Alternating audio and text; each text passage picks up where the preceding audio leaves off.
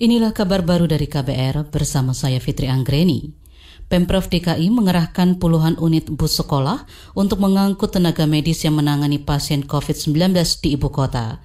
Kepala Dinas Perhubungan DKI Jakarta, Syafrin Lipoto mengatakan hal itu dilakukan untuk memperlancar mobilitas tenaga medis di tengah pembatasan layanan angkutan umum di Jakarta. Jadi sebagaimana kita ketahui dengan adanya pembatasan layanan maka tentu pergerakan para uh, tim medis COVID-19 ini harus difasilitasi. Jadi sejak minggu lalu kami bersama-sama Dinas Kesehatan dan juga Palang Merah Indonesia itu sudah menyiapkan 50 unit bus sekolah. Kepala Dinas Perhubungan DKI Jakarta Syafrin Liputo menambahkan puluhan bus itu akan dikerahkan untuk mengangkut tenaga medis ke rumah sakit rujukan maupun rumah sakit darurat yang ada di Wisma Atlet Kemayoran.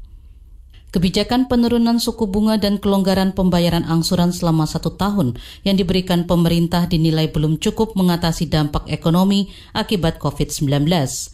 Menurut Kepala Ekonom Lembaga Kajian Ekonomi Core Indonesia, Peter Abdullah, pemerintah juga harus memberikan insentif, stimulus, dan bantuan sosial kepada pelaku usaha, UMKM, serta masyarakat yang terdampak virus corona. Ya, jadi pemerintah yang harus disiapkan sekarang ini adalah bagaimana pemerintah menyiapkan anggaran yang sangat-sangat kemungkinannya akan nanti akan melewati defisitnya itu akan melebihi dari tiga persen. Itu yang harus disiapkan sekarang. Uang untuk membantu baik itu dalam bentuk bantuan langsung tunai, apakah itu bantuan perekonomian, itu menstimulus uh, kegiatan ekonomi, itu yang harus disiapkan. Semuanya kan kembali-kembali kan harus ada anggarannya, harus ada dana. Berarti APBN-nya yang harus dipersiapkan. Kepala Ekonom Kor Peter Abdullah mendesak pemerintah bergerak cepat memutus rantai penyebaran COVID-19 sebab keadaan sosial, ekonomi bergantung pada penyelesaian penyebaran virus corona.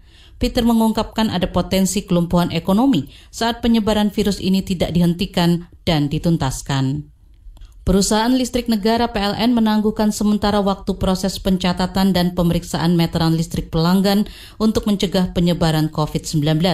Sebagai gantinya, PLN menerapkan kebijakan perhitungan rata-rata pemakaian listrik selama tiga bulan terakhir untuk pelanggan pasca bayar. Hal ini berlaku untuk pembayaran rekening bulan April seluruh Indonesia. Senior Eksekutif Vice President Departemen Bisnis dan Pelayanan Pelanggan PLN, Yudi Setio Wicaksono mengatakan kebijakan ini diberlakukan agar pelanggan merasa tenang dan tidak khawatir. PLN juga mengimbau masyarakat membayar secara online untuk meminimalisir kontak fisik antara pelanggan dan petugas. Angka penderita virus corona di Amerika Serikat meningkat tajam dengan ditemukannya 12.000 kasus baru dalam sehari. Dikutip dari The Guardian, Rumah Sakit John Hopkins merilis data jumlah kasus di Amerika mencapai 68 ribu lebih. Angka ini meningkat 12 ribu dari perhitungan sehari sebelumnya. Ini adalah pertambahan kasus baru tertinggi di Amerika Serikat setelah 10 ribu kasus baru tercatat Senin lalu. Angka ini menjadikan Amerika Serikat berada di posisi ketiga dengan jumlah penderita COVID-19 terbanyak setelah Tiongkok dan Italia. New York adalah negara bagian dengan penderita corona terbanyak di susul New Jersey, California, dan Washington. Demikian kabar baru dari KBR, saya Fitri Anggreni, salam.